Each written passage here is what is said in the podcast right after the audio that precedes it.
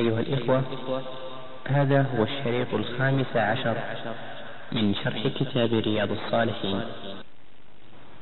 فالتقوى إذن سبب لزيادة الفهم ويدخل في ذلك أيضا الفراسة أن الله يعطي المتقي فراسة يميز بها حتى بين الناس بمجرد ما يرى الإنسان يعرف أنه كاذب أو صادق أنه بر أو فاجر حتى إنه ربما يحكم على الشخص وهو لم يعاشره ولم يعرف عنه شيئا بسبب ما أعطاه الله من الفراسة. ويدخل في ذلك أيضا ما يحصل للمتقين من الكرامات التي لا تحصل لغيرهم. ومن ذلك ما حصل لكثير من الصحابة والتابعين رضي الله عنهم. كان عمر بن الخطاب رضي الله عنه ذات يوم يخطب على المنبر في المدينة. فسمعوه يقول في أثناء الخطبة يا سارية الجبل يا سارية الجبل فتعجبوا من يخاطب؟ وكيف يقول هذا الكلام في أثناء الخطبة؟ فإذا الله سبحانه وتعالى قد كشف له عن سرية في العراق. كان قائدها ساريه بن زنيب وكان العدو قد حصرهم. فكشف الله لعمر عن هذه السارية عن هذه السرية كأنما يشاهدها رأي عين. فقال لقائدها يا سارية الجبل. يعني تحصن بالجبل. فسمعه سارية وهو القائد وهو في العراق. ثم اعتصم بالجبل. هذه أيضا من التقوى لأن كرامات الأولياء كلها جزاء لهم على تقواهم لله عز وجل. فالمهم أن من آثار التقوى أن الله تعالى يجعل للإنسان فرقانا يفرق به بين الحق والباطل وبين البر والفاجر وبين أشياء كثيرة لا تحصل لغير المتقي الثانية الفائدة الثانية قال ويكفر عنكم سيئاتكم.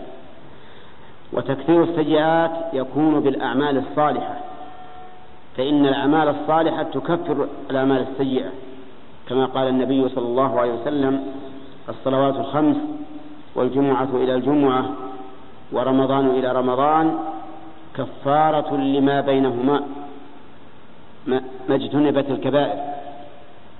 وقال النبي صلى الله عليه وسلم العمرة إلى العمرة كفارة لما بينهما. فالكفارة تكون بالأعمال الصالحة. وهذا يعني أن الإنسان إذا اتقى الله سهل له الأعمال الصالحة التي يكفر الله بها عنه. الفائدة الثالثة قال ويغفر لكم بأن ييسركم للاستغفار والتوبة فإن هذا من نعمة الله على العبد أن ييسره للاستغفار والتوبة. ومن البلاء للعبد أن يظن أن ما كان عليه من الذنوب ليس بذنب فيصر عليه والعياذ بالله. كما قال الله تعالى قل هل, قل هل ننبئكم بالأخسرين أعمالا؟ الذين ضل سعيهم في الحياة الدنيا وهم يحسبون أنهم يحسنون صنعا. كثير من الناس لا يقلع عن الذنب لأنه زين له والعياذ بالله فألفه وصعب عليه أن أن ينتشل نفسه منه.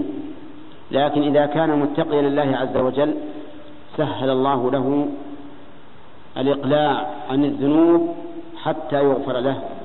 وربما يغفر الله له بسبب تقواه فيكون فتكون تقواه كالمكفرة لسيئاته كما حصل لأهل بدر رضي الله عنهم.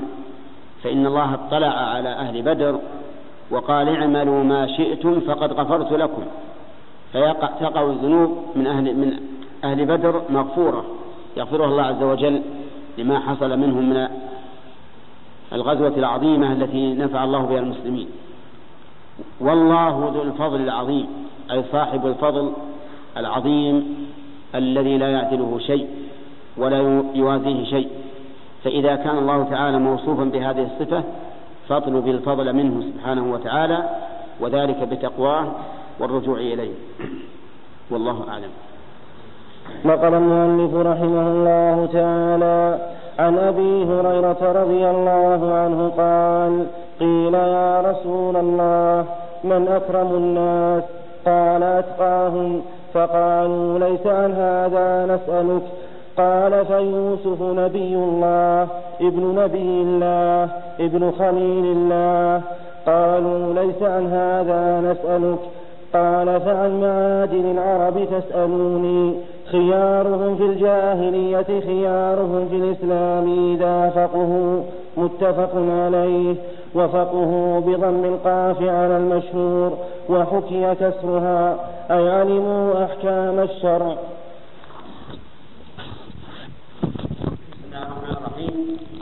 تقدم لنا الكلام على الآيات التي ساقها المؤلف رحمه الله. في تقوى الله عز وجل. ثم ذكر حديث أبي هريرة رضي الله عنه أن النبي صلى الله عليه وسلم سئل من أكرم الناس؟ فقال أتقاهم. يعني أن أكرم الناس أتقاهم لله. وهذا الجواب مطابق تماما لقوله تعالى إن أكرمكم عند الله أتقاكم.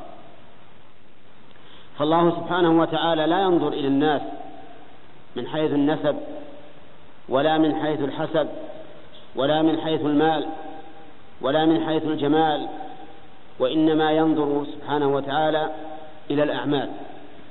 فأكرم الناس عنده أتقاهم له ولهذا يمد أهل التقوى بما يمدهم به من الكرامات الظاهرة أو الباطنة. لأنهم هم أكرم خلقه عنده. ففي هذا حث على تقوى الله عز وجل وأنه كلما كان الإنسان أتقى لله فهو أكرم عنده. ولكن الصحابة ليسوا لا يريدون هذا بهذا السؤال لا يريدون الأكرم عند الله. قالوا ليس لسنا عن هذا نسألك. ثم ذكر لهم أن أكرم الخلق يوسف ابن نبي الله ابن نبي الله ابن خليل الله يوسف ابن يعقوب ابن إسحاق ابن إبراهيم. فإنه عليه الصلاة والسلام كان نبيا من سلالة الأنبياء فكان من أكرم الخلق. فقالوا لسنا عن هذا نسألك. قال فعن معادن العرب تسألونني؟ معادن يعني أصولهم يعني أصولهم. وأنسابهم.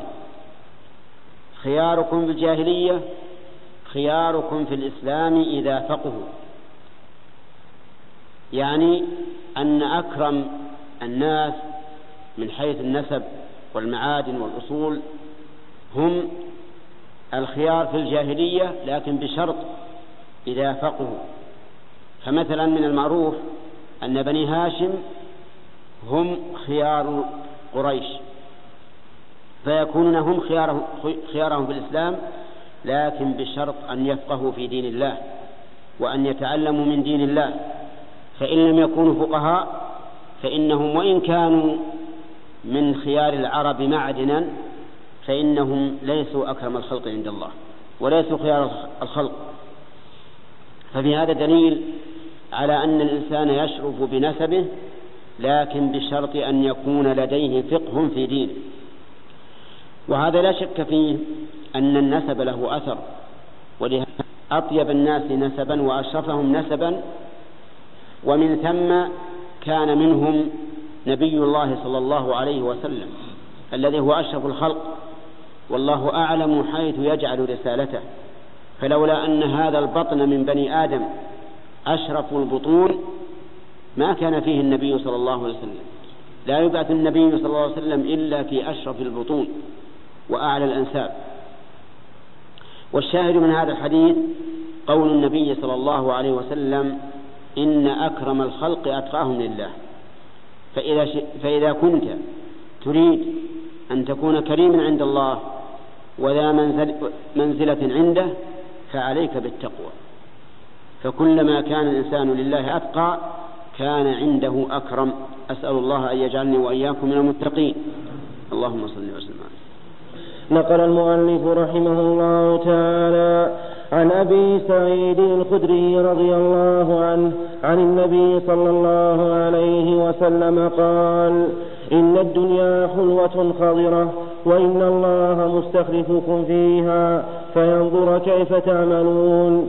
فاتقوا الدنيا واتقوا النساء فإن أول فتنة بني إسرائيل كانت في النساء. رواه مسلم.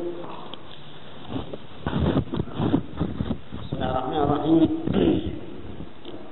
هذا الحديث ساقه المؤلف رحمه الله بما فيه من أمر النبي صلى الله عليه وسلم بالتقوى. بعد أن ذكر حال الدنيا فقال إن الدنيا حلوة خضرة. حلوة في المذاق خضرة في المرأة. والشيء إذا كان خضرا حلوا فإن العين تطلبه أولا ثم تطلبه النفس ثانيا. والشيء إذا اجتمع فيه طلب العين وطلب النفس فإنه يوشك للإنسان أن يقع فيه. فالدنيا حلوة في مذاقها خضرة في مرآها فيغتر الإنسان بها وينهمك فيها ويجعلها أكبر همه. ولكن النبي صلى الله عليه وسلم بين أن الله تعالى مستخلفنا فيها فينظر كيف نعمل. فقال وإن الله مستخلفكم فيها فينظر كيف تعملون. هل تقومون بطاعته وتنهون النفس عن الهوى وتقومون بما أوجب الله عليكم ولا تغتروا في الدنيا أو أن الأمر بالعكس. ولهذا قال فاتقوا الله. اتقوا الله يعني قوموا بما أمركم به واتركوا ما نهاكم عنه ولا تغرنكم حلاوة الدنيا ونظرتها. كما قال تعالى فلا تغرنكم الحياة الدنيا ولا يغرنكم بالله الغرور. ثم قال فاتقوا الله واتقوا النساء. اتقوا النساء يعني احذروهن. وهذا يشمل الحذر من المرأة في كيدها مع زوجها. ويحذر ويشمل أيضا الحذر من النساء وفتنتهن. ولهذا قال فإن أول فتنة بني إسرائيل كانت في النساء. افتتنوا في النساء فضلوا ضلوا والعياذ بالله.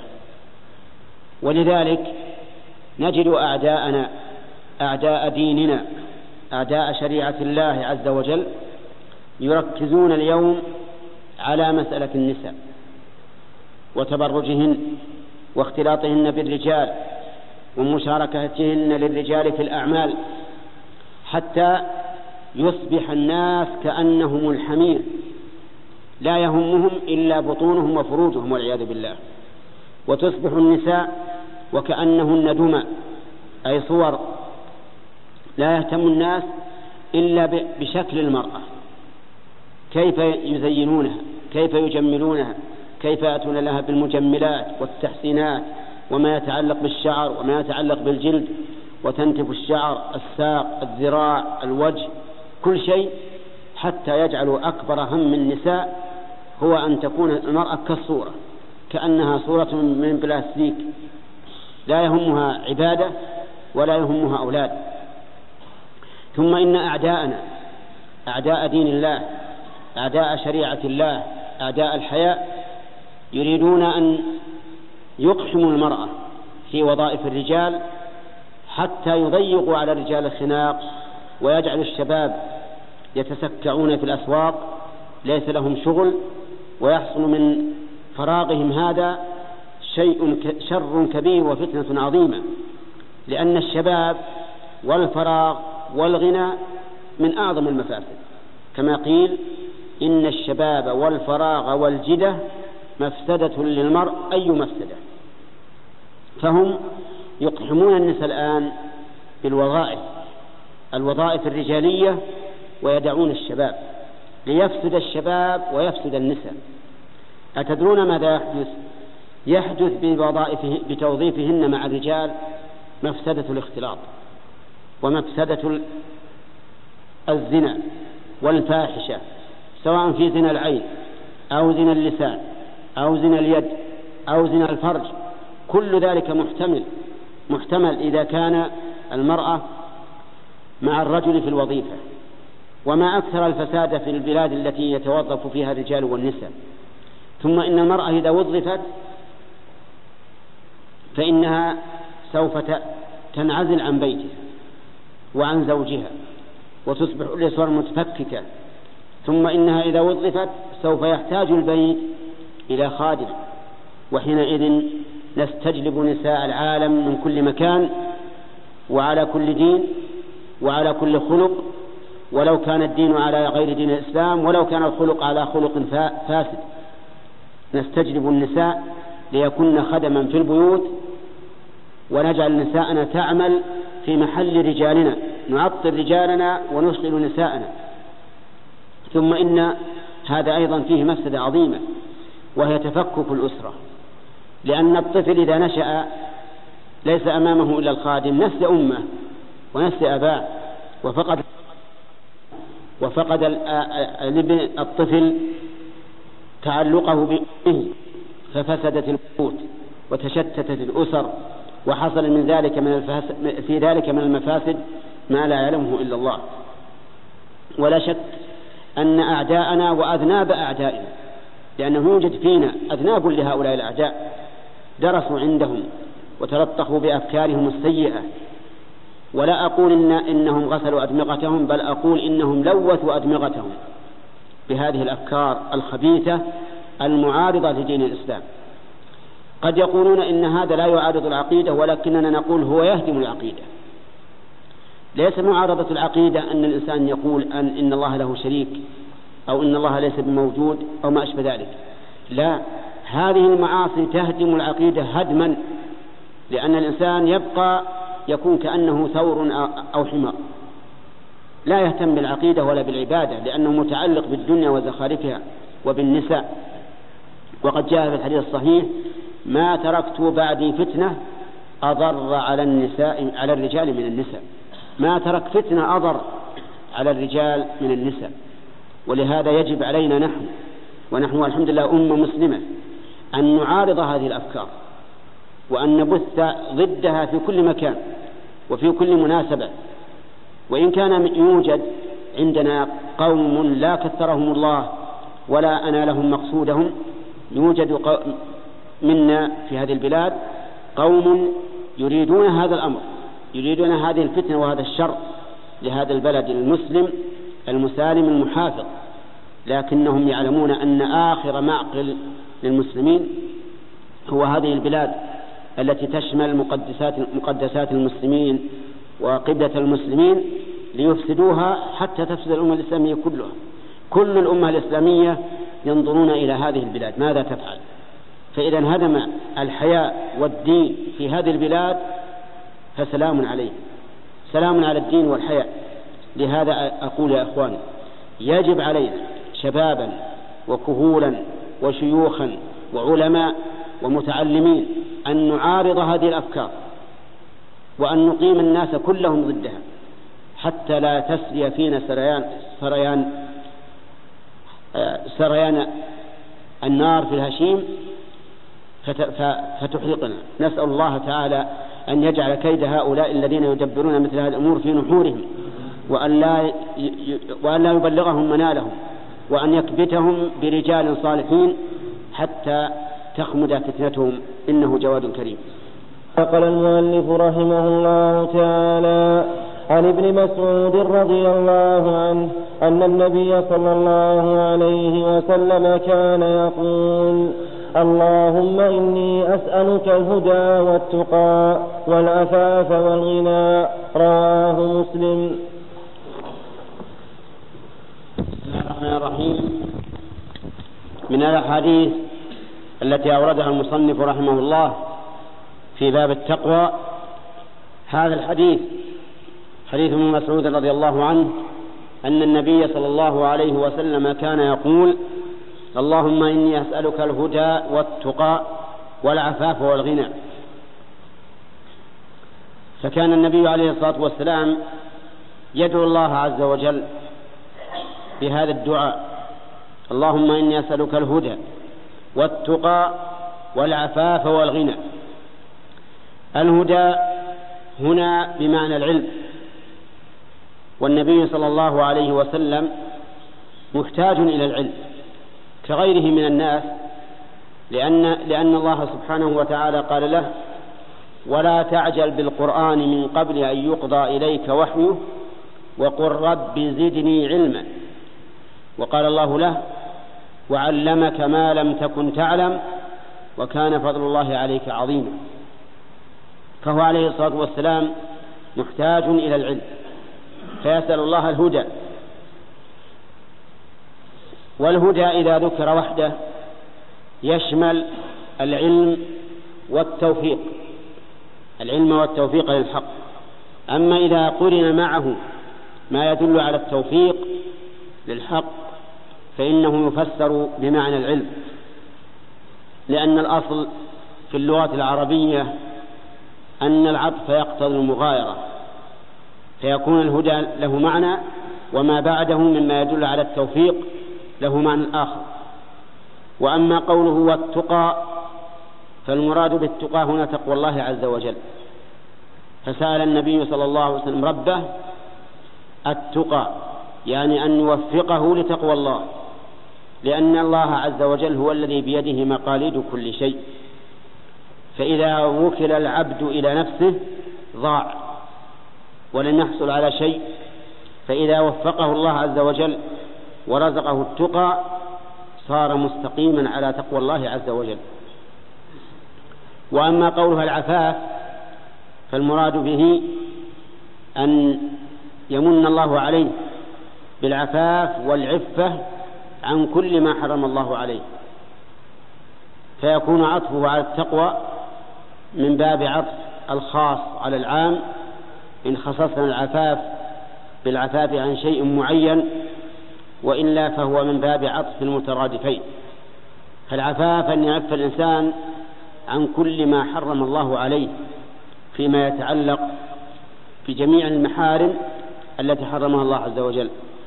وأما الغنى فالمراد به الغنى عما سوى الله. يعني الغنى عن الخلق بحيث لا يفتقر الإنسان إلى أحد سوى ربه سبحانه وتعالى. والإنسان إذا وفقه الله ومن عليه بالاستغناء عن الخلق صار عزيز النفس غير ذليل لأن الحاجة إلى الخلق ذل ومهانة والحاجة إلى الله عز وعبادة. فهو يسأل عليه الصلاة والسلام من الله عز وجل الغنى. فينبغي لنا أن نقتدي برسول الله صلى الله عليه وسلم بهذا في هذا الدعاء. وأن نسأل الله الهدى والتقى والعفاف والغنى. وفي هذا دليل على أن النبي صلى الله عليه وسلم لا يملك لنفسه نفعا ولا ضرا وأن الذي يملك ذلك هو الله. وفيه دليل أيضا على إبطال من تعلقوا بالأولياء والصالحين في جلب المنافع ودفع المضار كما يفعل بعض الجهال الذين يدعون الرسول عليه الصلاة والسلام إذا كانوا عند قبره أو يدعون من يزعمونهم أولياء من دون الله فإن هؤلاء ضالون في دينهم سفهاء في عقولهم لأن هؤلاء المدعوين هم بأنفسهم لا يملكون لأنفسهم شيئا. قال الله تعالى لنبيه صلى الله عليه وسلم قل لا أقول لكم عندي خزائن الله ولا أعلم الغيب ولا أقول لكم إني ملك. وقال له قل لا أملك لنفسي نفعا ولا ضرا إلا ما شاء الله. وقال له قل إني لا أملك لكم ضرا ولا رشدا. قل إني لن يجيرني من الله أحد ولن أجد من دونه ملتحدا فالإنسان يجب أن يعلم أن البشر مهما أوتوا من الوجاهة عند الله عز وجل ومن المنزلة والمرتبة عند الله فإنهم ليسوا مستحقين لأن يدعوا من دون الله. بل إنهم أعني من لهم جاه عند الله من الأنبياء والصالحين يتبرؤون تبرؤا تاما ممن يدعونهم من دون الله عز وجل. قال عيسى عليه الصلاة والسلام لما قال له الله أأنت قلت للناس اتخذوني وأمي إلهين من دون الله؟ قال سبحانك. ما يكون لي أن أقول ما ليس لي بحق. ليس من حق عيسى ولا غيره أن يقول للناس اتخذوني إلها من دون الله. ما يكون لي أن أقول ما ليس لي بحق إن كنت قلته فقد علمت. تعلم ما في نفسي ولا أعلم ما في نفسك إنك أنت علام الغيوب. ما قلت لهم إلا ما أمرتني به أن اعبدوا الله ربي وربكم. فالحاصل أن ما نسمع عن بعض جهال المسلمين في بعض الأقطار الإسلامية الذين يأتون إلى قبور من يزعمونهم أولياء فيدعون هؤلاء الأولياء. فإن هذا العمل سفه في العقل وضلال في الدين. وهؤلاء لن ينفعوا أحدا أبدا. هم جثث هامدة جثث هامدة. هم بأنفسهم لا يستطيعون الحراك. فكيف يتحركون لغيرهم والله موفق. قال رحمه الله تعالى وعن أبي طريف عدي بن حاتم الطائي رضي الله عنه قال سمعت رسول الله صلى الله عليه وسلم يقول من حلف على يمين ثم رأى أتقى لله منها فليأت التقوى رواه مسلم. بسم الله الرحمن الرحيم. قال المؤلف رحمه الله تعالى فيما نقله عن عدي بن حاتم رضي الله عنه أن قال سمعت النبي صلى الله عليه وسلم يقول من حلف على يمين فرأى غيرها أتقى لله منها فليأتي الذي هو أتقى. اليمين هي الحلف بالله عز وجل أو, أو باسم من أسمائه أو صفة من صفاته. ولا يجوز الحلف بغير الله لا بالنبي صلى الله عليه وسلم ولا بجبريل ولا بأي أحد من الخلق. لقول النبي صلى الله عليه وسلم من كان حالفا فليحلف بالله أو ليصمت. وقال من حلف بغير الله فقد كفر أو أشرك. فمن حلف بغير الله فهو آثم ولا يمين عليه لأنها يمين غير منعقدة. لقول النبي صلى الله عليه وسلم من عمل عملا ليس عليه أمرنا فهو رد. ولا ينبغي للإنسان أن يكثر من اليمين. فإن هذا هو معنى قوله تعالى واحفظوا أيمانكم على رأي بعض المفسرين قال احفظوا أيمانكم يعني لا تكثروا الحلف بالله.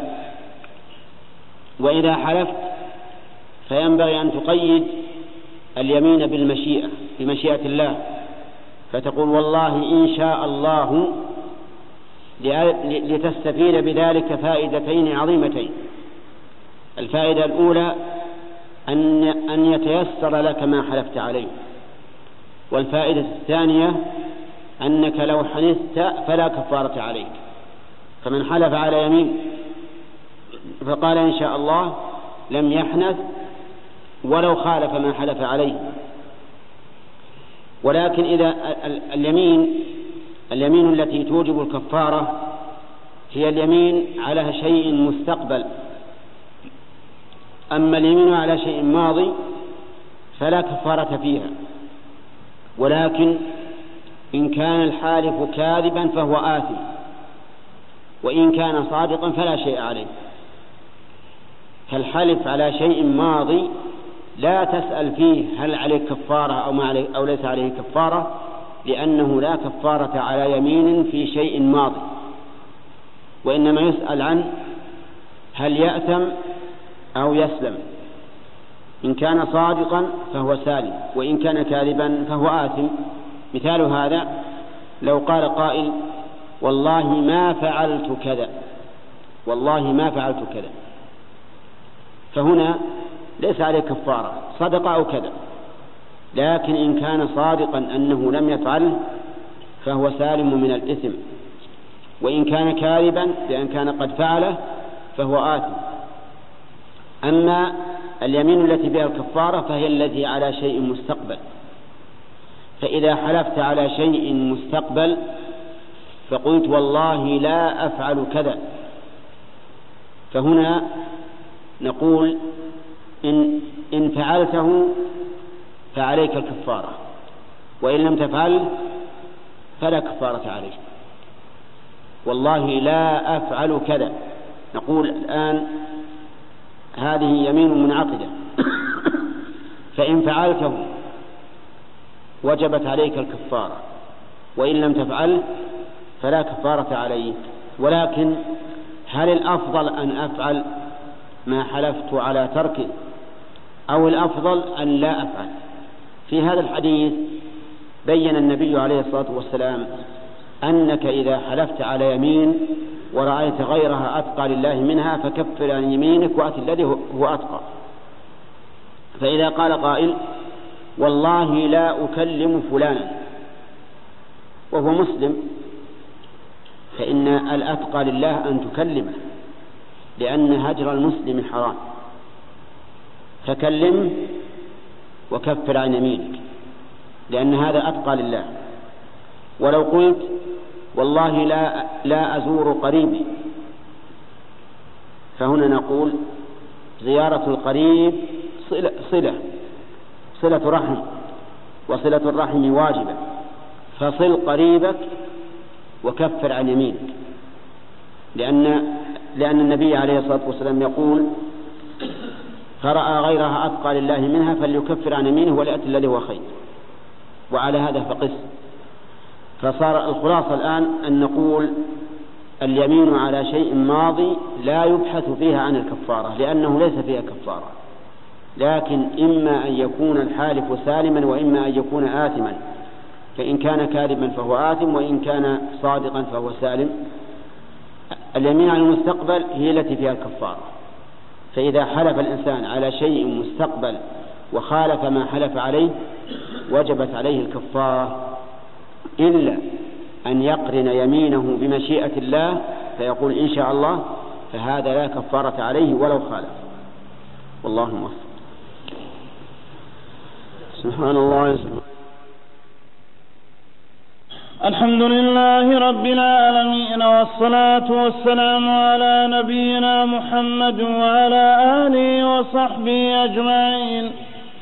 قال رحمه الله تعالى عن أبي أمامة صدي بن عجلان الباهلي رضي الله عنه قال سمعت رسول الله صلى الله عليه وسلم يخطب في حجة الوداع فقال اتقوا الله وصلوا خمسكم وصوموا شهركم وأدوا زكاة أموالكم وأطيعوا أمراكم تدخلوا جنة ربكم. رواه الترمذي في آخر كتاب الصلاة وقال حديث حسن صحيح.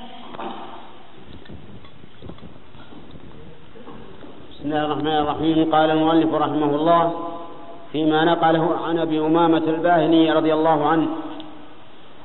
قال سمعت النبي صلى الله عليه وسلم يخطب في حجة الوداع. وكانت خطب النبي صلى الله عليه وسلم على قسمين راتبة وعارضة. فأما الراتبة فهي خطبه في الجمع والأعياد فإنه صلى الله عليه وسلم كان يخطب الناس في كل جمعة وفي كل عيد. واختلف العلماء رحمهم الله في خطبة صلاة الكسوف.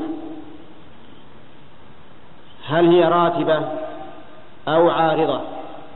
وسبب اختلافهم أن الكسوف لم يقع في عهد النبي صلى الله عليه وسلم إلا مرة واحدة. ولما صلى قام فخطب الناس عليه الصلاة والسلام. فذهب بعض العلماء إلى أنها من الخطب الراتبة. وقال إن, إن الأصل أن ما شرعه النبي صلى الله عليه وسلم فهو ثابت مستقر. ولم يقع الخسوف مرة أخرى فيترك النبي صلى الله عليه وسلم الخطبة حتى نقول إنها من الخطب العارضة. وقال بعض العلماء بل هي من الخطب العارضة التي إن كان لها ما ما يدعو إليها خطب وإلا فلا. ولكن الأقرب أنها من الخطب الراتبة وأنه يسن للإنسان إذا صلى صلاة الكسوف أن يقوم فيخطب الناس ويذكرهم ويخوفهم كما فعل النبي صلى الله عليه وسلم. أما الخطب العارضة فهي التي يخطبها عند الحاجة إليها. مثل خطبته صلى الله عليه وسلم حينما اشترط أهل بريرة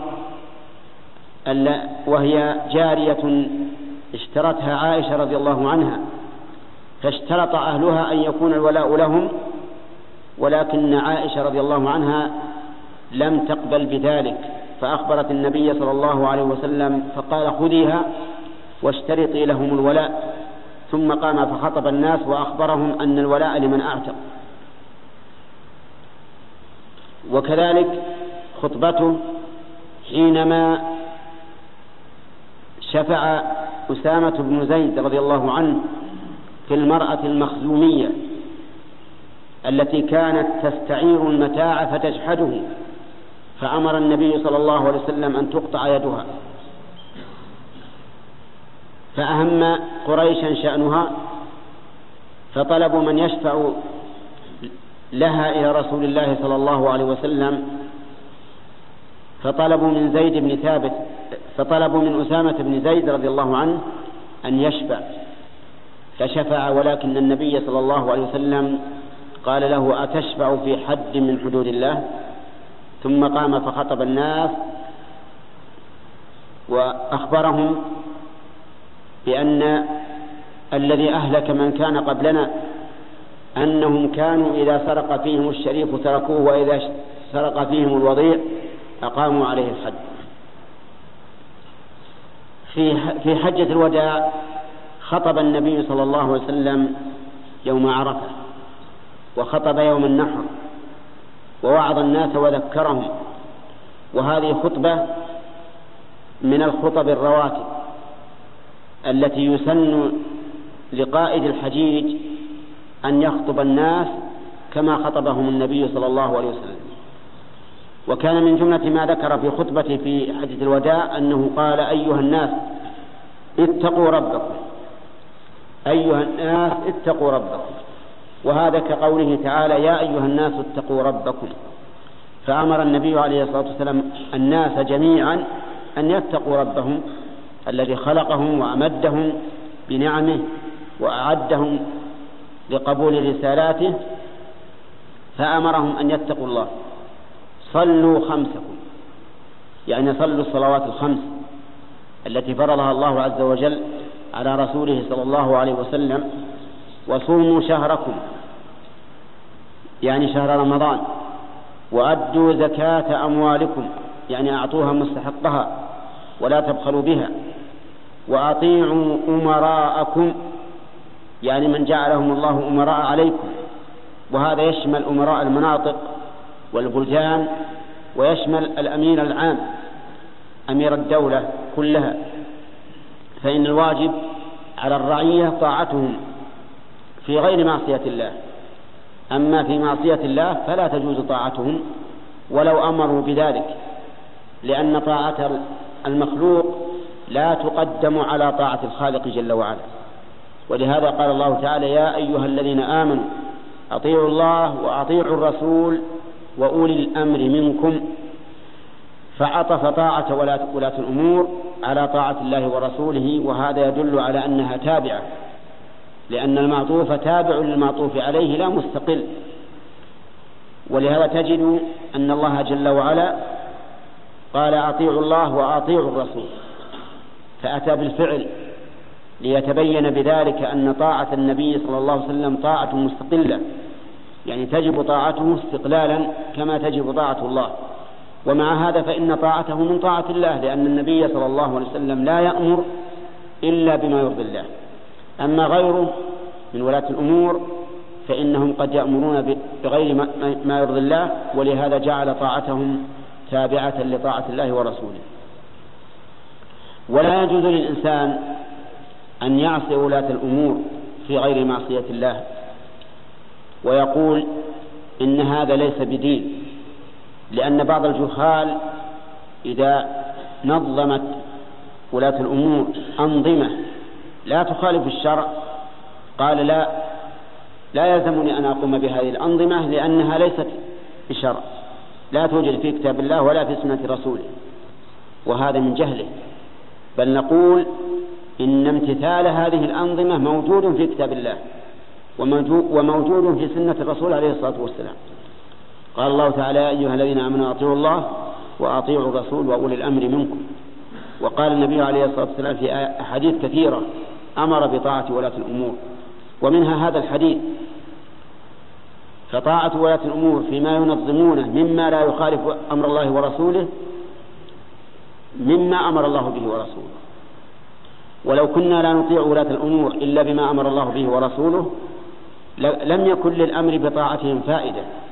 لأن طاعة الله ورسوله مأمور بها سواء أمر بها ولاة الأمور أم لم يأمروا بها. فهذه الأمور التي أوصى بها النبي عليه الصلاة والسلام في حجة الوداع تقوى الله الصلوات الخمس الزكاة الصيام طاعة ولاة الأمور هذه من الأمور الهامة التي يجب على الإنسان أن يعتني بها وأن يمتثل أمر الله أمر رسول الله صلى الله عليه وسلم فيها. والله أعلم.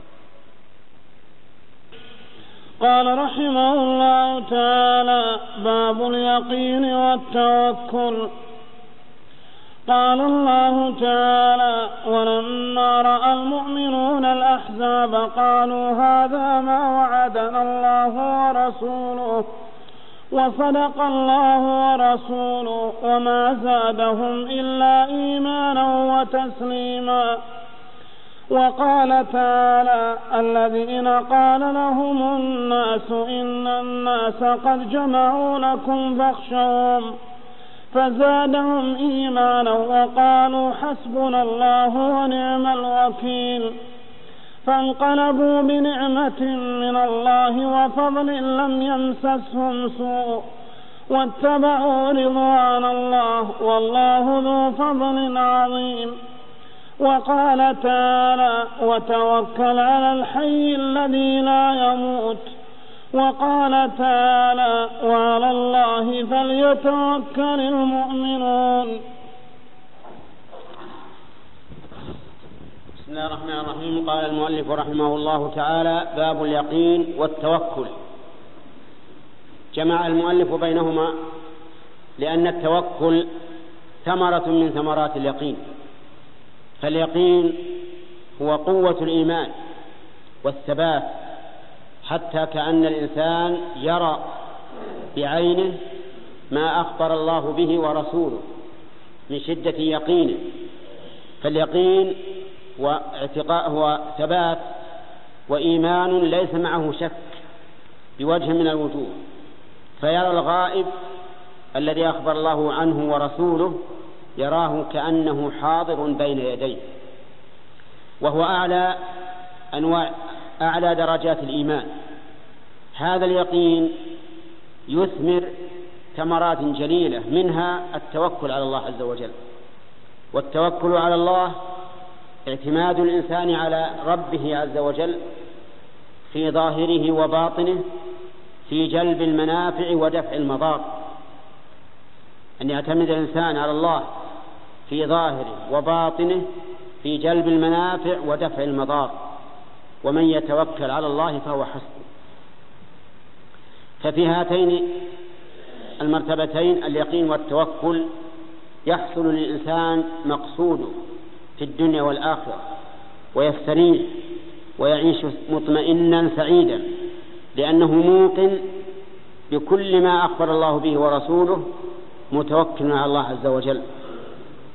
ثم ذكر المؤلف آيات في هذا الباب.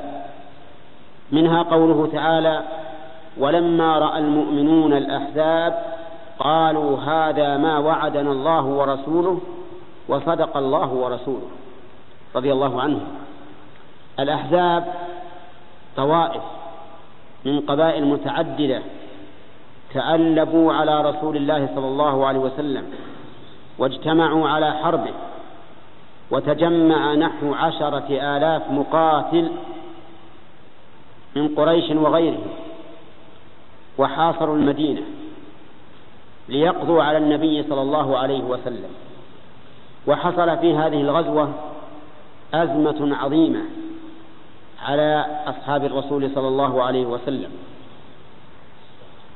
قال الله تبارك وتعالى في وصفها وإذ زاغت الأبصار وبلغت القلوب الحناجر من شدة الخوف وتظنون بالله الظنون الظنون البعيدة.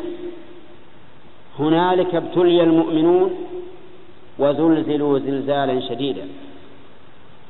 فانقسم الناس في هذه الأزمة العظيمة العصيبة إلى قسمين. بينهم الله عز وجل في هذه الآيات. قال هنالك ابتلي المؤمنون وزلزلوا زلزالا شديدا وإذ يقول المنافقون والذين في قلوبهم مرض ما وعدنا الله ورسوله إلا غرورا. أعوذ بالله. المنافقون الذين يظهرون الإيمان ويبطنون الكفر والذين في قلوبهم مرض من المؤمنين وعندهم نقص في يقينهم قالوا ما وعدنا الله ورسوله إلا غرورا. قالوا كيف يقول محمد إنه سيفتح كسرى وقيصر وصنعاء وهو الآن محاصر من هؤلاء الناس. كيف يمكن هذا؟ فقالوا ما وعدنا الله ورسوله إلا غرورا. أما المؤمنون فقال الله عنهم ولما رأى المؤمنون الأحزاب قالوا هذا ما وعدنا الله ورسوله وصدق الله ورسوله. الفرق بين الطائفتين. هؤلاء لما رأوا الأحزاب ورأوا هذه الشدة علموا أنه سيعقبها نصر وفرج. وقالوا هذا ما وعدنا الله ورسوله وصدق الله ورسوله. سيكون النصر وستفتح كسرى وممالك كسرى وقيصر واليمن. وهكذا كان ولله الحمد. الشاهد قوله قالوا هذا ما وعدنا الله ورسوله وصدق الله ورسوله وهذا غاية اليقين.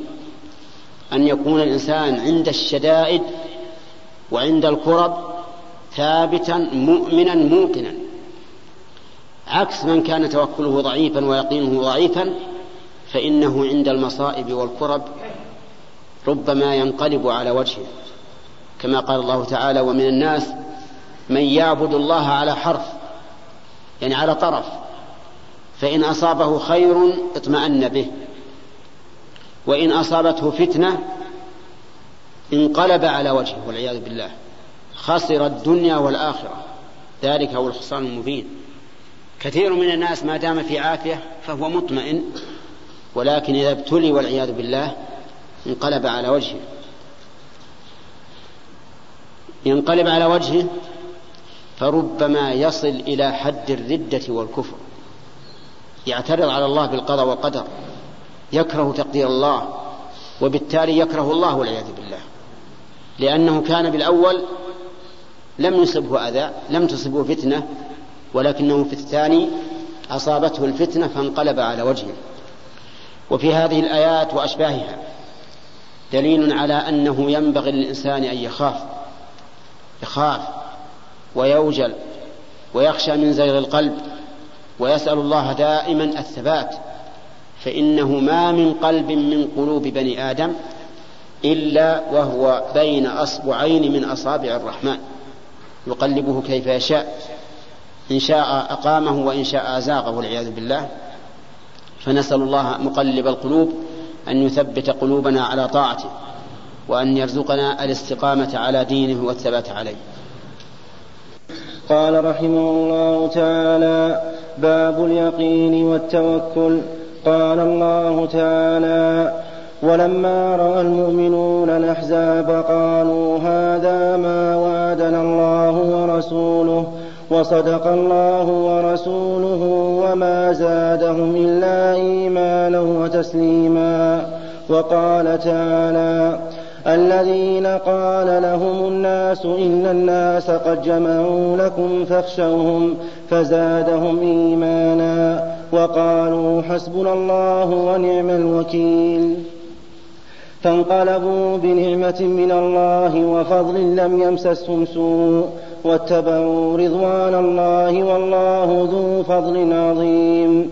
وقال تعالى وتوكل على الحي الذي لا يموت وقال تعالى وعلى الله فليتوكل المؤمنون وقال تعالى فإذا عزمت فتوكل على الله والآيات في الأمر بالتوكل, بالتوكل كثيرة معلومة.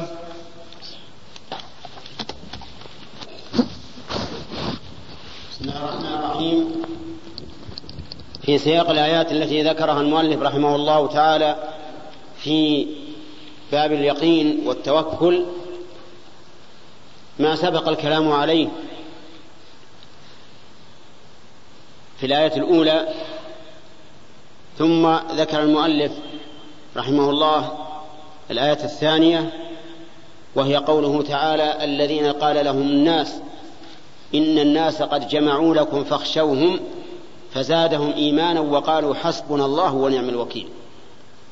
هذا هذه الآية نزلت في الصحابة رضي الله عنهم حين حصل عليهم ما حصل في غزوة أحد مما أصابهم من القرح والجروح والشهداء. فقيل لهم إن أبا سفيان كان قد عزم على الكرة عليكم. وجمع لكم الناس فندبهم النبي عليه الصلاة والسلام إلى ملاقاته ومقابلته فاستجابوا لله والرسول من بعد ما أصابهم القرح وأصيبوا بهذه النكبة العظيمة. قتل منهم سبعون رجلا استشهدوا في سبيل الله وحصل للنبي صلى الله عليه وسلم ولغيره من صحابته رضي الله عنهم ما حصل ومع هذا استجابوا لله والرسول. قال الله تعالى الذين استجابوا لله والرسول من بعد ما أصابهم القرح للذين أحسنوا منهم واتقوا أجر عظيم. الذين قال لهم الناس إن الناس قد جمعوا لكم. يعني أن أبا سفيان ومن معه من ممن بقي من كبراء قريش قيل جمعوا للنبي صلى الله عليه وسلم يريدون استئصاله ولكن يأبى الله إلا أن يتم نوره. قيل لهم للصحابة اخشوا هؤلاء ولكنهم ازدادوا إيمانا لأن المؤمن كلما اشتدت به الأزمات ازداد إيمانا بالله لأنه يؤمن بأن النصر مع الصبر وأن الفرج مع الكرب وأن مع العسر يسر لهذا زادهم إيمانا هذا القول وقالوا حسبنا الله ونعم الوكيل. حسبنا يعني كافينا في مهماتنا وملماتنا ونعم الوكيل أي نعم الكافي جل وعلا. فإنه نعم المولى ونعم النصير. ولكنه إنما يكون ناصرا لمن انتصر به واستنصر به. فإنه عز وجل أكرم الأكرمين وأجود الأجودين. إذا اتجه الإنسان إليه في أموره أعانه وساعده وتولاه. ولكن البلاء من بني آدم البلاء منا حيث يكون الإعراض كثيرا في الإنسان ويعتمد على الأمور المادية دون الأمور المعنوية. قال تعالى فانقلبوا بنعمة من الله وفضل لم يمسسهم سوء. ذهبوا ولكنهم لم يجدوا كيدا. وأبو سفيان ومن معه ولوا على أدبارهم ولم يكروا على النبي صلى الله عليه وسلم فكتبت للصحابة غزوة من, من غير قتال. كتبت هذه الرجعة غزوة من غير قتال. قال تعالى فانقلبوا بنعمة من الله وفضل لم يمسسهم سوء واتبعوا رضوان الله والله ذو فضل عظيم. ثم قال إنما ذلكم الشيطان يخوف أولياءه. فلا تخافوهم وخافون إن كنتم مؤمنين. يخوف أولياءه يعني يخوفكم أنتم أولياءه. يعني يلقي في قلوبكم الخوف من أوليائه فلا تخافوهم وخافون إن كنتم مؤمنين. فالشيطان يأتي إلى المؤمن يقول احذر أن تتكلم في فلان. ترى إنسان يمكن يحبسك يمكن يقول فيك يمكن يقول فيك كذا وكذا فيخوفك. اصحى أن تخبر عن فلان المجرم لأنه مجرم يؤذيك ويفعل ويفعل. ولكن المؤمن لا يمكن أن يخاف أولياء الشيطان. لأن الله قال قاتلوا أولياء الشيطان إن كيد الشيطان كان ضعيفا. كيده وأولياؤه ضعيف بالنسبة للحق. فعلى الإنسان أن لا يخاف في الله لومة لائم وأن لا يخاف إلا الله ولكن يجب أن يكون سيره على هدى من الله عز وجل. إذا كان سيره على هدى من الله فلا يخافن من أحد. والله موفق. نقل المؤلف رحمه الله تعالى في سياق الآيات في باب اليقين والتوكل. وقال تعالى وتوكل على الحي الذي لا يموت. وقال تعالى وعلى الله فليتوكل المؤمنون. وقال تعالى فإذا عزمت فتوكل على الله. وقال تعالى ومن يتوكل على الله فهو حسبه. وقال تعالى إنما المؤمنون الذين إذا ذكر الله وجلت قلوبهم وإذا تليت عليهم آياته زادتهم إيمانا وعلى ربهم يتوكلون. والآيات في فضل التوكل كثيرة معلومة. الرحيم. سبق لنا الآيات التي ذكرها المؤلف رحمه الله في باب اليقين والتوكل ثم ساق بعض الآيات في هذا ومنها قوله تعالى وتوكل على الحي الذي لا يموت وهو الله عز وجل اعتمد عليه في أمورك كلها دقيقها وجليلها. لأن الله عز وجل إذا لم ييسر لك الأمر لم يتيسر لك. ومن أسباب تيسيره أن أن تتوكل عليه لا سيما إذا دهمتك الأمور وكثرت الهموم وازدادت الخطوب فإنه لا ملجأ لك إلا الله عز وجل. فعليك بالتوكل عليه والاعتماد عليه حتى يكفيك. وفي قوله تعالى الذي لا يموت دليل على امتناع الموت على الرب عز وجل. كل من عليها فان ويبقى وجه ربك ذو الجلال والإكرام. فالله عز وجل لا يموت لكمال حياته فإنه دائما هو الأول الذي ليس قبله شيء وهو الآخر الذي ليس بعده شيء. ثم إنه سبحانه وتعالى لا ينام أيضا. لكمال حياته وقيوميته. قال الله تعالى الله لا إله إلا هو الحي القيوم لا تأخذه سنة ولا نوم. أما الإنس والجن فإنهم ينامون ويموتون. وأما الرب عز وجل فإنه لا ينام لأنه غني عن النوم. البشر ينامون لأنهم بحاجة له فإن الأبدان تتعب وتسأم وتمل والنوم راحة. راحة عما مضى من التعب وتجديد نشاط لما يستقبل من العمل. أما الله سبحانه وتعالى فإنه لا تأخذه سنة ولا نوم. وقال الله تعالى ومن يتوكل على الله فهو حسبه. أي كافيه فإذا توكلت على الله كفاك كل شيء. وإذا توكلت على غير الله وكلك الله إليه ولكنك تخذل ولا تتحقق لك أمورك. وقال تعالى إنما المؤمنون الذين إذا ذكر الله وجلت قلوبهم وإذا تليت عليهم آياته زادتهم إيمانا وعلى ربهم يتوكلون. أولئك هم المؤمنون حقا.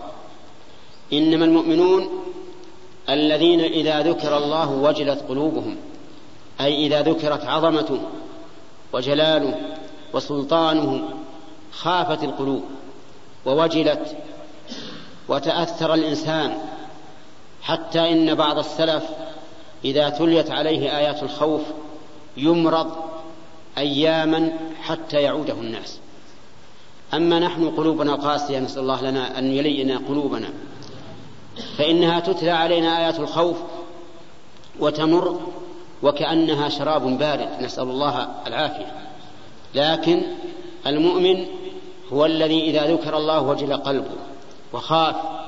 كان بعض السلف إذا قيل له اتق الله ارتعد حتى يسقط ما في يده. أما قلوبنا الآن أحجار أو أشد. يقال للإنسان اتق الله اتق الله اتق الله ولكن لا يستفيد. وإذا تليت عليهم آياته زادتهم إيمانا. إذا سمعوا كلام الله عز وجل ازدادوا إيمانا ازدادوا إيمانا من وجهين. الوجه الأول التصديق بما أخبر الله به من أمور الغيب. الماضية الماضية والمستقبلة والثاني القبول والإذعان لأحكام الله. فيمتثلون ما أمر الله به فيزداد بذلك إيمانهم. وينتهون عما نهى الله عنه تقربا إليه وخوفا منه فيزداد إيمانهم. فهم إذا تليت عليهم آياته ازدادوا إيمانا من, من, من هذين الوجهين. وهكذا إذا رأيت من نفسك أنه كلما تلوت القرآن ازددت إيمانا فإن ذلك من علامة التوفيق. أما إذا كنت تقرأ القرآن ولا تتأثر به فعليك بمداواة نفسك. عليك بمداواة نفسك. لا أقول أن أن تذهب إلى المستشفى تأخذ جرعة من حبوب أو أو مياه أو غيرها ولكن عليك بمداواة القلب. فإن القلب إذا لم ينتفع بالقرآن ولم يتعظ به فإنه قلب قاس مريض. نسأل الله العافية. فأنت يا أخي أنت طبيب نفسك لا تذهب إلى الناس. اقرأ القرآن إن رأيت أنك تتأثر به إيمانا وتصديقا وامتثالا فهنيئا لك. فأنت مؤمن. وإلا فعليك بدواء نفسك. داوي نفسك. داوي نفسك قبل أن يأتيك موت لا حياة بعده. يعني موت قلب. أما موت الجسد فبعده حياة. بعده بعث جزاء حساب. يقول عز وجل وإذا تليت عليهم آياته زادتهم إيمانا وعلى ربهم يتوكلون. على ربهم فقط يتوكلون. وهنا قدم المعمول على ربهم إشارة إلى الاختصاص والحصر وأنهم لا يتوكلون إلا على الله عز وجل. لأن غير الله إذا توكلت عليه فإنما توكلت على شخص مثلك. مثلك. ولا ولا ولا يحرص على منفعتك كما تحرص أنت على منفعة نفسك. ولكن اعتمد على الله عز وجل. ولهذا قال وعلى ربهم يتوكلون. لا على غيره. يعتمدون على الله في أمور دينهم وفي أمور دنياهم. الذين يقيمون الصلاة ومما رزقناهم ينفقون. يقيمون الصلاة يأتون بها مستقيمة بواجباتها وشروطها وأركانها ويكملونها بمكملاتها ومن ذلك أن يصلوها في أوقاتها ومن ذلك أن يصلوها مع المسلمين في مساجدهم لأن صلاة الجماعة كان الناس لا يتخلفون عنها إلا منافق أو معذور. قال ابن مسعود رضي الله عنه لقد رأيتنا يعني مع الرسول عليه الصلاة والسلام. وما يتخلف عنها أي عن الصلاة إلا منافق أو مريض. ولقد كان الرجل يؤتى به يهادى بين الرجلين يعني الرجل المريض يؤتى به يهادى بين الرجلين يعني معناه ماسكه اثنين. يمشون به رويدا رويدا حتى يقام في الصف. لا يثنيهم عن الحضور إلى المساجد. حتى المرض رضي الله عنهم. أما كثير من الناس اليوم فإنهم على العكس من ذلك يتكاسلون ويتنا... ويتأخرون عن صلاة الجماعة. ولهذا لو قارنت بين الصلوات النهارية وصلاة الفجر لرأيت فرقا بينا لأن الناس يلحقهم الكسل في صلاة الفجر بالنوم ولا يهتمون بها كثيرا. ومما رزقناهم ينفقون أي ينفقون ما أموالهم في مرضاة الله وحسب أوامر الله وفي المحل المناسب. أولئك هم المؤمنون حقا. حقا هذه توكيد للجملة التي قبلها. يعني أحق ذلك حقا لهم مغفرة ورزق كريم. نسأل الله أن يجعلنا وإياكم منهم بمنه وكرمه. إنه جواد كريم. نقل المؤلف رحمه الله تعالى عن ابن عباس رضي الله عنهما قال قال رسول الله صلى الله عليه وسلم عرضت علي الأمم فرأيت النبي ومعه الرهيط والنبي ومعه الرجل والرجلان والنبي ليس معه أحد إذ رفع لي سواد عظيم فظننت أنهم أمتي فقيل لي هذا موسى وقومه. ولكن انظر إلى الأفق فنظرت فإذا سواد عظيم فقيل لي انظر إلى الأفق الآخر. فإذا سواد عظيم فقيل لي هذه أمتك ومعهم سبعون ألفا. يدخلون الجنة بغير حساب ولا عذاب. ثم نهض فدخل منزله فخاض الناس في أولئك الذين يدخلون الجنة بلا حساب ولا عذاب. فقال بعضهم فلعلهم الذين صحبوا رسول الله صلى الله عليه وسلم. وقال بعضهم فلعلهم الذين ولدوا في الإسلام فلم يشركوا بالله وذكروا أشياء فخرج عليهم رسول الله صلى الله عليه وسلم فقال ما الذي تخوضون فيه فأخبروه فقال هم الذين لا يرقون ولا يسترقون. هم الذين لا يرقون ولا يسترقون ولا يتطيرون وعلى ربهم يتوكلون. فقام عكاشة بن محصن فقال ادع الله أن يجعلني منهم. فقال أنت منهم. ثم قام رجل آخر فقال ادع الله أن يجعلني منهم. فقال سبقك بها عكاشة. متفق عليه. بسم الله الرحمن الرحيم. سبق لنا ما ذكره المؤلف رحمه الله من آيات التوكل ثم ذكر هذا الحديث العظيم الذي أخبر فيه النبي صلى الله عليه وسلم أن الأمم عرضت عليه. يعني أري الأمم عليه الصلاة والسلام وأنبياءهم يقول فرأيت النبي ومعه الرهيط يعني معه الرهط القليل. يعني ما بين الثلاثة إلى العشرة. والنبي ومعه الرجل والرجلان. والنبي وليس معه أحد.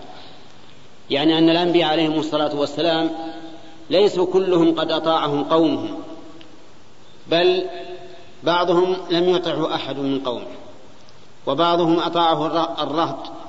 وبعضهم أطاعه الرجل والرجلان. وانظر أن نوحا عليه الصلاة والسلام مكث في قومه ألف سنة إلا خمسين عاما. يذكرهم بالله ويدعوهم إلى الله. قال الله تعالى وما آمن معه إلا قليل. كل هذه المدة. ألف سنة إلا خمسين عاما وهو يدعوهم ولكنه لم يلق منهم قبولا بل ولا سلم من شرهم. قال وإني كلما دعوتهم لتغفر لهم جعلوا أصابعهم في, في آذانهم واستغشوا ثيابهم وأصروا واستكبروا استكبارا وكانوا يمرون به فيسخرون منه. يقول فرفع عليه سواد. رفع عليه سواد يعني بشر كثير فيهم, فيهم جهمة من كثرتهم. فظننت أنهم أمتي فقيل هذا موسى وقومه لأن موسى من أكثر الأنبياء أتباعا. بعث في بني إسرائيل وأنزل الله عليه التوراة التي هي أم الكتب الإسرائيلية. قال ثم قيل لي انظر فنظرت إلى الأفق فإذا سواد عظيم وفي لفظ قد سد الأفق.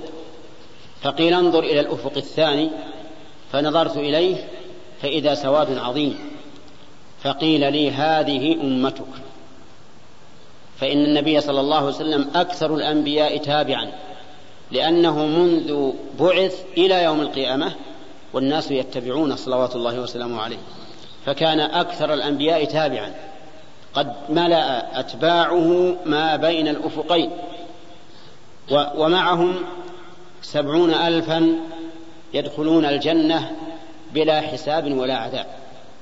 مع هذه الأمة سبعون ألفا لا يدخلون الجنة لا يحاسبون ولا يعذبون. من الموقف إلى الجنة بدون حساب ولا عذاب. اللهم اجعلنا منهم. وقد ورد أن مع كل واحد من سبعين الألف سبعين ألفا. إذا أضرب سبعين ألف في سبعين ألف يكون هذا هذا الذين هؤلاء الذين يدخلون الجنة بلا حساب ولا عذاب. ثم نهض فدخل منزله. فخاض الناس في أولئك. يقول من هم هؤلاء؟ من هؤلاء؟ قال بعضهم لعلهم الذين صحبوا رسول الله صلى الله عليه وسلم. يعني لعلهم الصحابة وقال آخرون لعلهم الذين ولدوا في الإسلام فلم يشركوا بالله شيئا. وذكروا أشياء. كل أتى بما يظن. فخرج عليهم النبي صلى الله عليه وسلم فسألهم عما يخونون فيه فأخبروه. فقال صلى الله عليه وسلم هم الذين لا يرقون ولا يسترقون ولا يكتوون ولا يتطيرون وعلى ربهم يتوكلون. هذا لفظ مسلم. وفيه لا يرقون. والمؤلف رحمه الله قال إنه متفق عليه وكان ينبغي أن يبين أن هذا اللفظ لفظ مسلم فقط دون رواية البخاري. وذلك أن قوله لا يرقون كلمة غير صحيحة لا تصح عن النبي عليه الصلاة والسلام. لأن معنى لا يرقون يعني لا يقرؤون على المرضى وهذا باطل. فإن الرسول عليه الصلاة والسلام كان يرقى, يرقى على المرضى. وأيضا القراءة على المرضى إحسان. فكيف يكون انتفاؤها سببا لدخول الجنة بلا حساب ولا عذاب؟ فالمهم أن هذه اللفظة لفظة شاذة. خطأ لا يجوز اعتمادها. والصواب هم الذين لا يسترقون يعني لا يطلبون من أحد أن يقرأ عليه إذا أصابهم شيء. ولا يكتمون لا يطلبون من أحد أن يكويهم إذا مرضوا. ولا يتطيرون يعني لا يتشاءمون وعلى ربهم يتوكلون يعني يعتمدون على الله وحده. فهذه أربع صفات.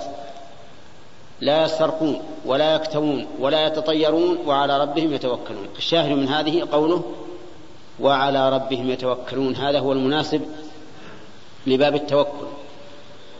إذا نقول إن قوله لا يرقون خطأ بل إن الذي يقرأ على غيره محسن وعمله هذا من أسباب, من أسباب كثرة الثواب.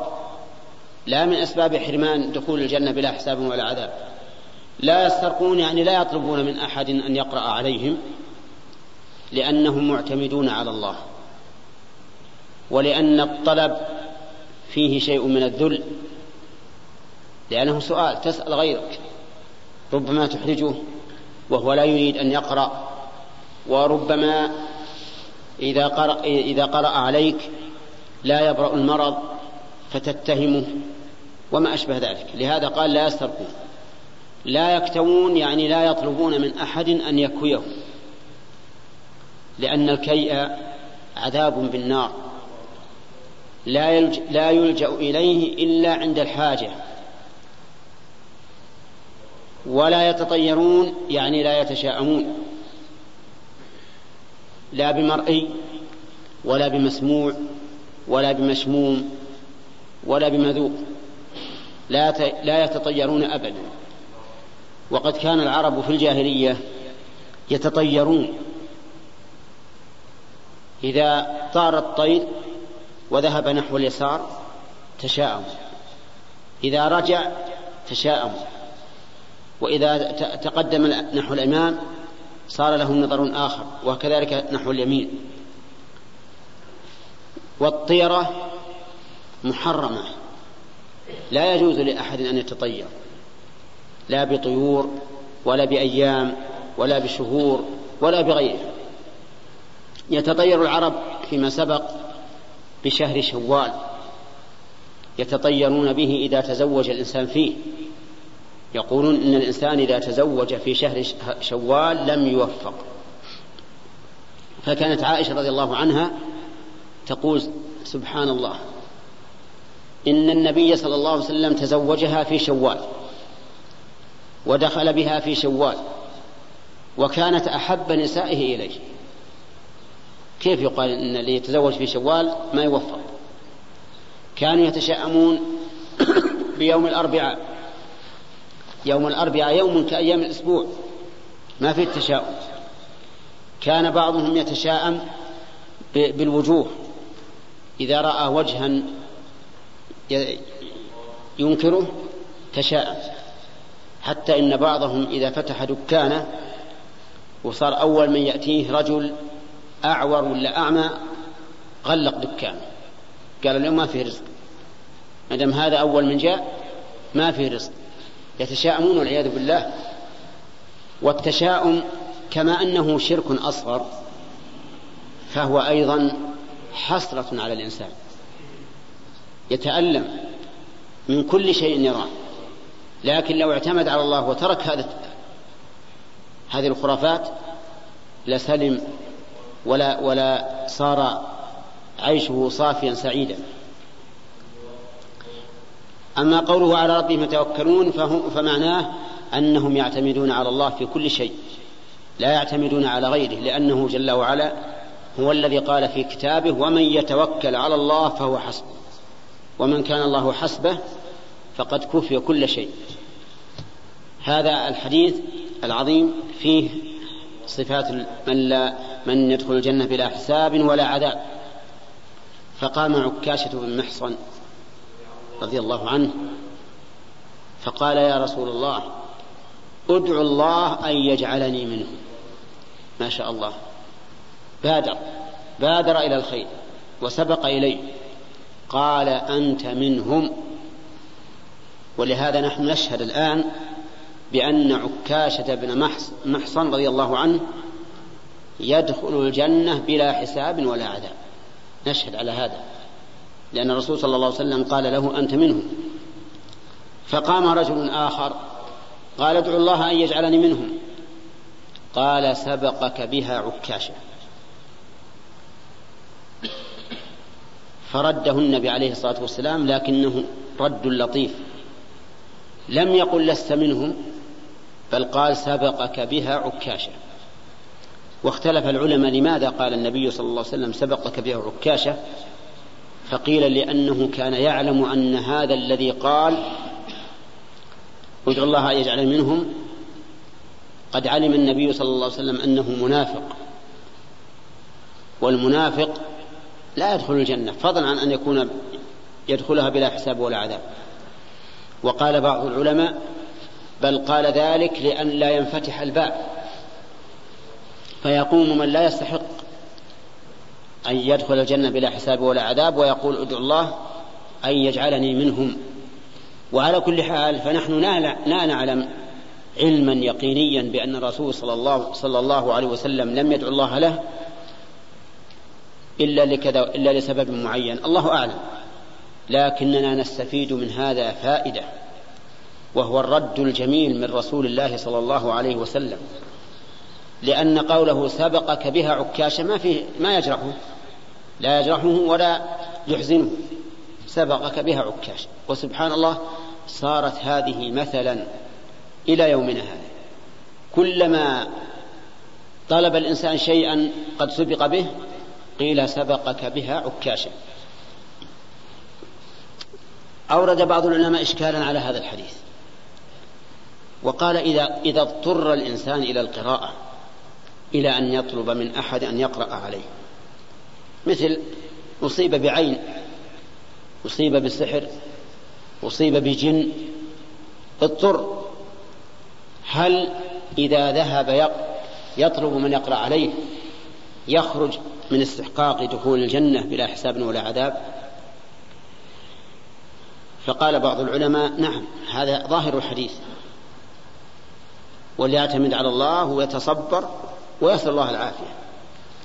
وقال بعض العلماء بل إن هذا في من استرقى قبل أن يصاب. في من استرقى قبل أن يصاب يعني بأن قال ادعو الله اقرأ علي أن لا تصيبني العين. أن لا يصيبني السحر أن لا يصيبني الجن أن لا يصيبني الحمى. فيكون هذا من باب من طلب الرقية لأمر متوقع لا واقع وكذلك الكي. طيب فإذا قال إنسان الذين يكوون غيرهم هل يحرمون من هذا؟ الجواب لا. لأن الرسول صلى الله عليه وسلم يقول ولا يكتوون يعني لا يطلبون من, يكتو من يكويهم. ولم يقل ولا يكوون. وهو, وهو عليه الصلاة والسلام قد كوى أكحل سعد بن معاذ رضي الله عنه. سعد بن معاذ الأوسي الأنصاري أصيب يوم الخندق في أكحله فانفجر الدم. والأكحل إذا انفجر دمه قضى على الإنسان. انفجر الدم فكواه النبي صلى الله عليه وسلم في العرق حتى وقف الدم. والنبي عليه الصلاة والسلام هو أول من يدخل الجنة بلا حساب ولا عذاب. فالذين يكون محسنون. والذين يقرؤون على الناس محسنون. لكن الكلام على الذين يسترقون أي يطلبون من يقرأ عليهم أو يكتوون يطلبون من يكويهم والله الموفق قال رحمه الله تعالى عن ابن عباس رضي الله عنهما أيضا قال حسبنا الله ونعم الوكيل. قالها إبراهيم صلى الله عليه وسلم حين ألقي في النار. وقالها محمد صلى الله عليه وسلم حين قالوا إن الناس قد جمعوا لكم فاخشوهم فزادهم إيمانا وقالوا حسبنا الله ونعم الوكيل. رواه البخاري وفي رواية له عن ابن عباس رضي الله عنهما قال كان آخر قول إبراهيم صلى الله عليه وسلم حين ألقي في النار حسبي الله ونعم الوكيل. بسم الله الرحمن الرحيم. قال المؤلف رحمه الله تعالى فيما نقله عن ابن عباس رضي الله عنهما حسبنا الله ونعم الوكيل. قالها إبراهيم حين ألقي في النار وقالها محمد صلى الله عليه وسلم حين قالوا إن الناس قد جمعوا لكم فاخشوهم فزادهم إيمانا وقالوا حسبنا الله ونعم الوكيل.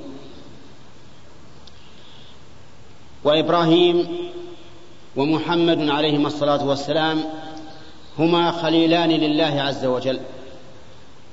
قال الله تعالى واتخذ الله إبراهيم خليلا. وقال النبي صلى الله عليه وسلم إن الله قد اتخذني خليلا كما اتخذ إبراهيم خليلا. والخليل معناه الحبيب الذي بلغت محبته الغاية. ولا نعلم أن أحدا وصف بهذا الوصف إلا محمدا صلى الله عليه وسلم وإبراهيم. هما الخليلان. وإنك لتسمع أحيانا يقول بعض الناس إبراهيم خليل الله ومحمد حبيب الله وموسى كليم الله. والذي يقول إن محمدا حبيب الله فيه شيء في كلامه نظر. لأن لأن الخلة أبلغ من المحبة. فإذا قال محمد حبيب الله فهذا فيه نوع نقص من حق الرسول عليه الصلاة والسلام. لأن أحباب الله كثيرون فالمؤمنون يحبهم الله المحسنون يحبهم الله المقسطون يحبهم الله والأحباب كثيرون لله. لكن الخلة لا نعلم أنها ثبتت إلا لمحمد وإبراهيم. وعلى هذا فنقول الصواب إبراهيم خليل الله ومحمد خليل الله وموسى كليم الله. على أن محمدا صلى الله عليه وسلم قد كلمه الله سبحانه وتعالى كلاما بدون واسطة حين عرج به إلى السماوات السبع. هذه الكلمة قالها إبراهيم حسبنا الله ونعم الوكيل حين ألقي في النار. وذلك أن إبراهيم عليه الصلاة والسلام دعا قومه إلى عبادة الله وحده لا شريك له.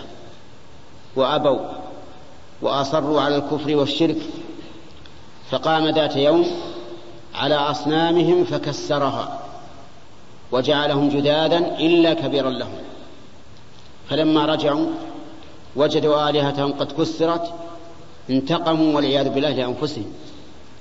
فقالوا ماذا نصنع؟ بإبراهيم قالوا حرقوه.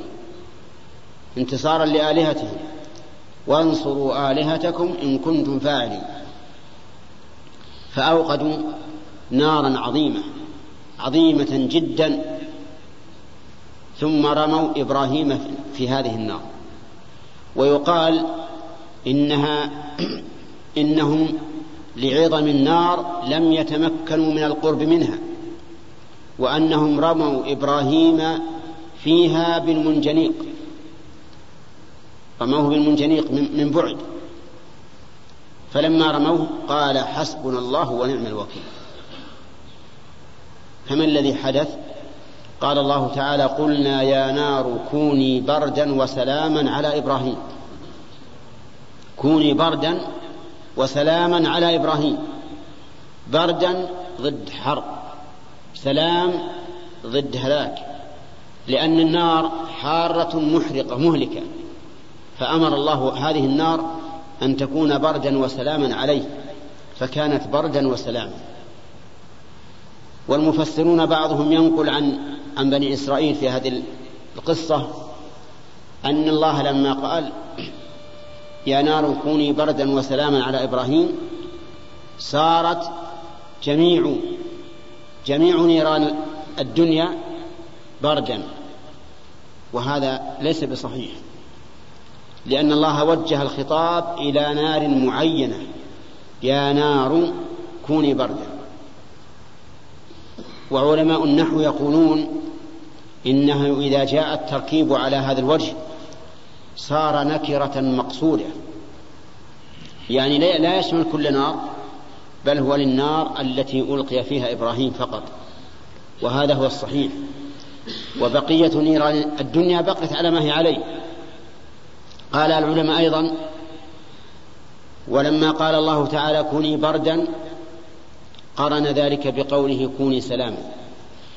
لأنه لو قال كوني بردا فقط لكانت بردا حتى تهلكه. لأن كل شيء يمتثل لأمر الله عز وجل. كل شيء يمتثل لأمر الله. انظر إلى قوله تعالى ثم استوى إلى السماء وهي دخان. فقال لها وللأرض ائتيا طوعا أو كرها.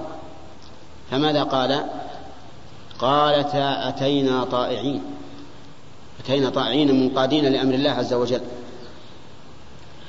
أما الخليل الثاني الذي قال حسبنا الله ونعم الوكيل فهو النبي صلى الله عليه وسلم وأصحابه حين رجعوا من أحد